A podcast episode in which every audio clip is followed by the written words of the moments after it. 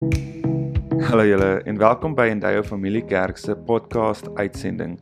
Ons missie is om 'n verskil te maak deur Jesus bekend te maak. Ons hoop ons boodskappe inspireer jou en trek jou nader aan God. Hy soek net jou hart. Geniet saam met ons hierdie boodskap.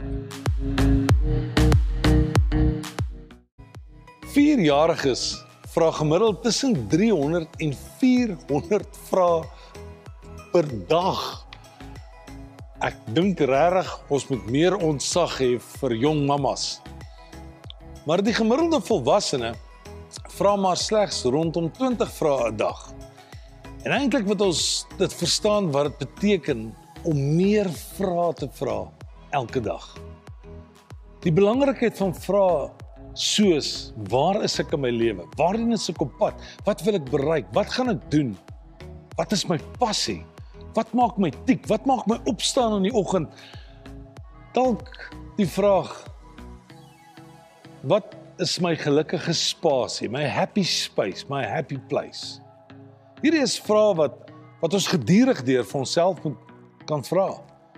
Maar dan is daar vandag een vraag wat ek aan jou wil oorlaat en dit is die waarom, die doel en die rigting van my lewe en waarheen ek op pad is, wat ek wil bereik. Sien die oomblik as jy die waarom se antwoord ontdek, dan is die onmiddellike besluitneming daarna, dit wat jy gaan doen, beïnvloed dit jou hele lewe. Wat gebeur in ons lewe? Partykeer voor sekere gebeurtenisse en na sekere gebeurtenisse wat regtig ons lewe beïnvloed.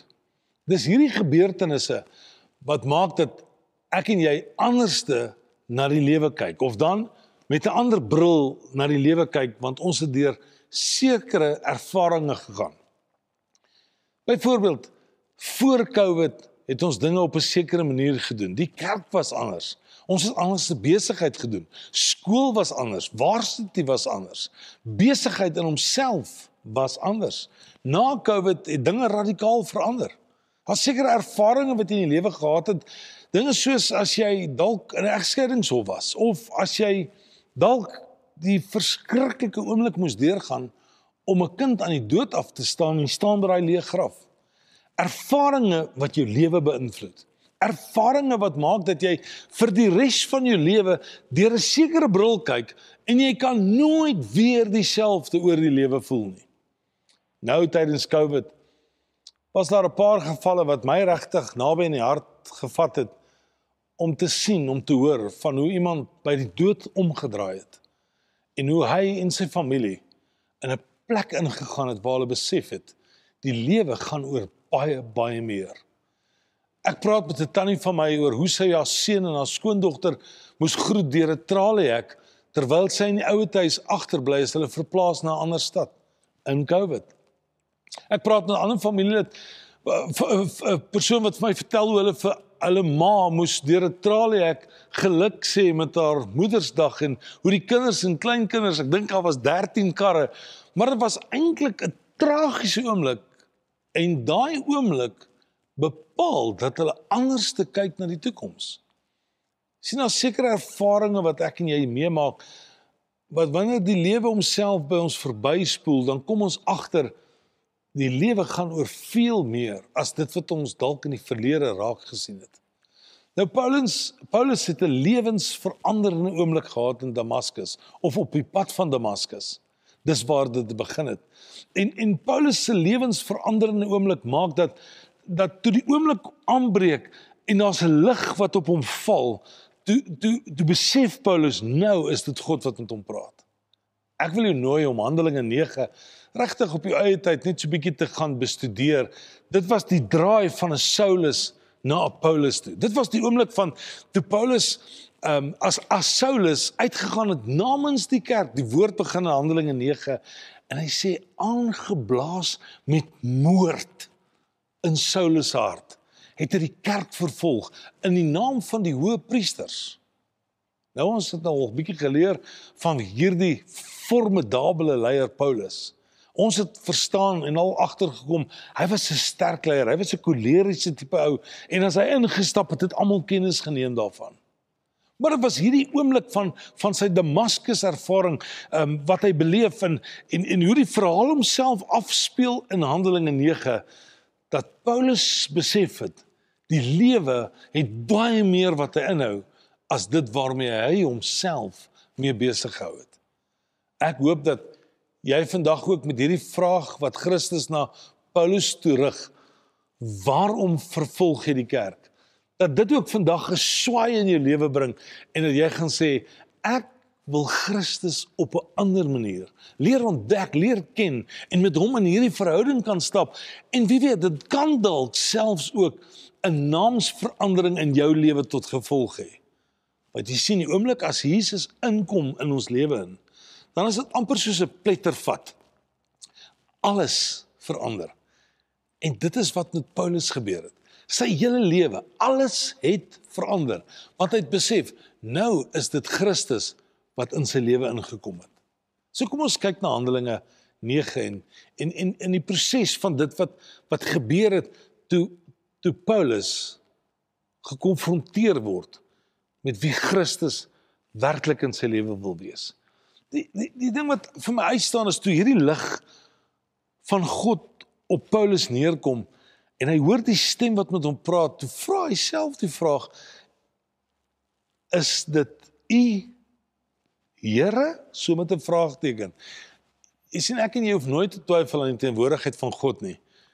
Wanneer God praat, dan sal jy kennis neem, jy sal weet nou is dit God wat praat.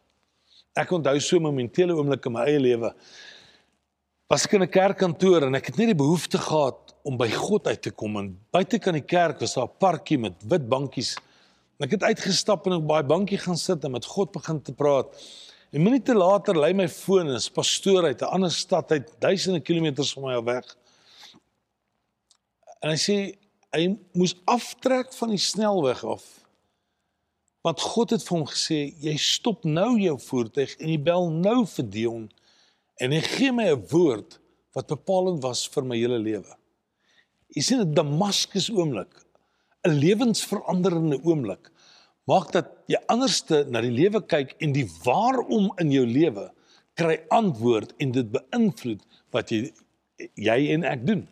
Daarom wil ek jou nooi vandag dat jy jou hart oopmaak en vandag dalk saam met jou huiskerk, saam met die familie, saam met jou vriende wat rondom jou sit, na hierdie woord sal luister en bietjie sal dink.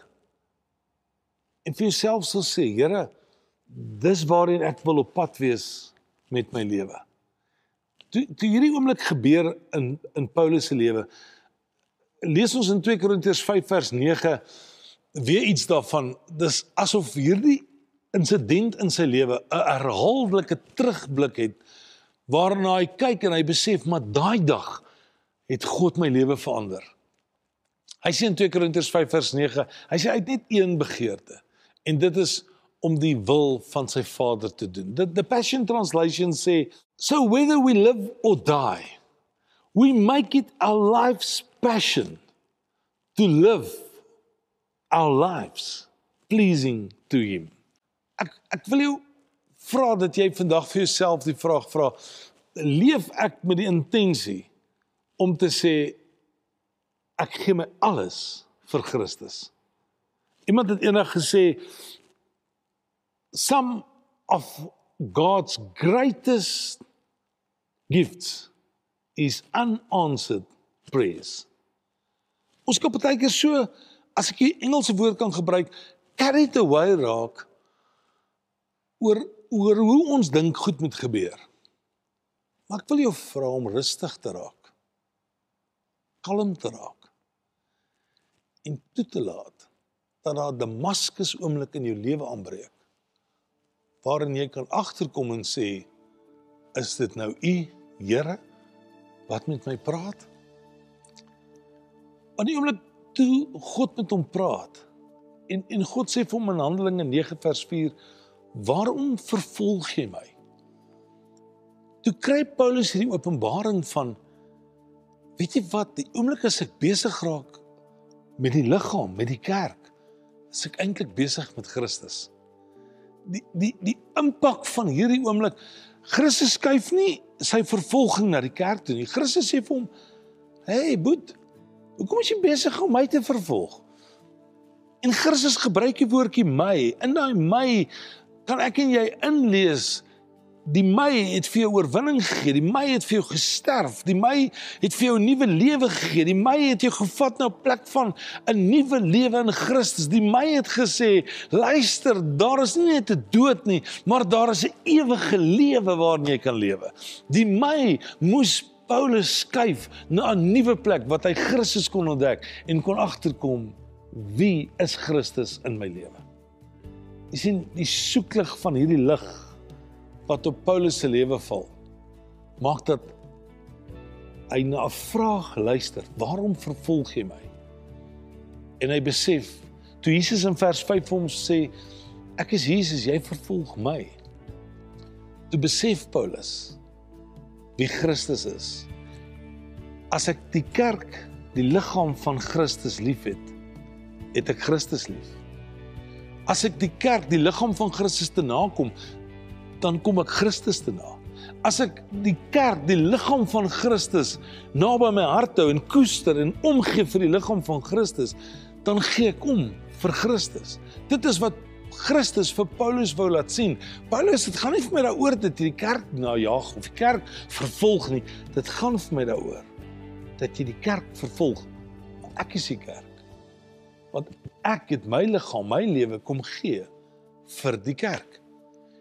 En hierdie effek van die vraag waarom vervolg jy my?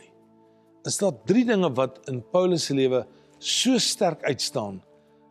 En ek dink dit het sy hele bediening radikaal verander en ons kan sien hoe Paulus homself gaan herposisioneer van dit wat God in sy lewe wou maak. Die eerste ding is in 1 Korintiërs 12 vers 7 staan daar geskrywe: "Julle is die liggaam van Christus en afsonderlik lede van mekaar.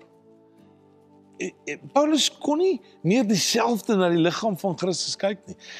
Want as hy na die liggaam, na die kerk kyk, het hy gekyk deur die brille van Christus, die kyk na die brille wat Christus gehad het vir sy kerk, die feit dat hy bereid was om sy lewe vir 'n kerk te het.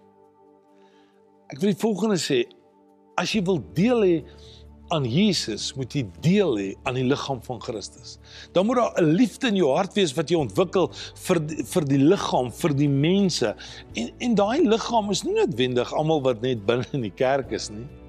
Daai liggaam is die wêreld, want so lief het God die wêreld gehad. Daarom is dit wat Johannes in in Johannes 13:35 skryf. Hy sê: "Hierin sal die wêreld weet dat julle kinders van God is." Hy sê deurdat julle mekaar liefhet. So as waarom in my lewe instap? Die vraag en ek wil dit beantwoord. Dan resoneer dit in Paulus se hart om te sê hier's 'n wêreld waarin ek en jy moet na kan toe na toe kan uitreik om 'n verskil ook in hulle lewens te bring.